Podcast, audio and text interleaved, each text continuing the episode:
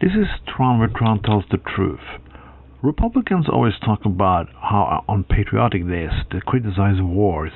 Yes, the most unpatriotic thing is not to help people who are in wars.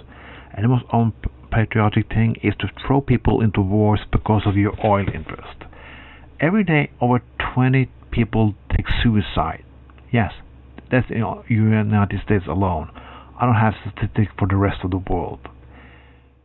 8th of May is in Norway, it, well, it used to be Liberation Day. Yes, the 8th of May 1945, we was free from five years of occupation from the Germany. It used to be. When I was young, we were reminded these days in school. We talked with war veterans from the war, and we got a history lesson what happened, and it could happen again if it was not careful enough. Today it's not. Because since the bullshit war on terror, things have changed. In two, well, Norway had to do a war in Kosovo. Well, it was necessary. It was also a war in Afghanistan who was not necessary, and we put people in Iraq was not necessary. Uh, two days ago, a conservatives write in the local newspaper in Bergen that we had to show respect for those people who was in those wars. Yes, same conservative who sent them to the wars they shouldn't be in in the first place.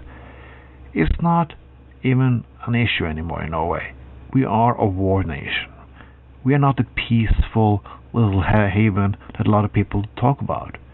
We are in the legal wars that the United States say we're going to go to. If we, just call it war on terror, yes, and we we go jump after. When I was a kid, NATO used to be a defense alliance.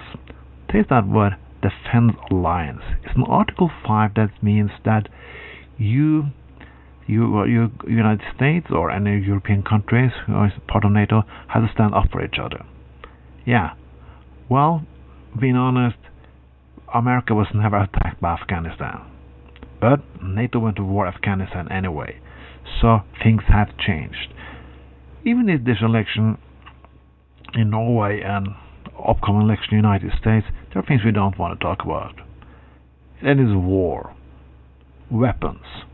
Today, we have large amount of weapons and biggest defense budget since the Cold War. Had that gone well? What could go wrong? Well, let me tell you what went wrong. Look at the First World War.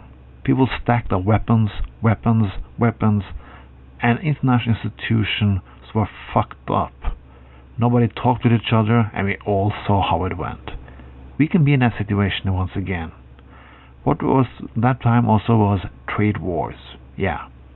We didn't find time together, we just find national rhetoric to keep us apart. We are in the same shithole once again. 8th of May, we should remember as the day we liberated us, not only from fascism, but from war we must never go back to that time again. Not celebrate people who went to wars that we shouldn't go to in the first place. Veterans Day should be no more fucking war day. This was Tron with Tron Tells the Truth. Have a fucking nice day.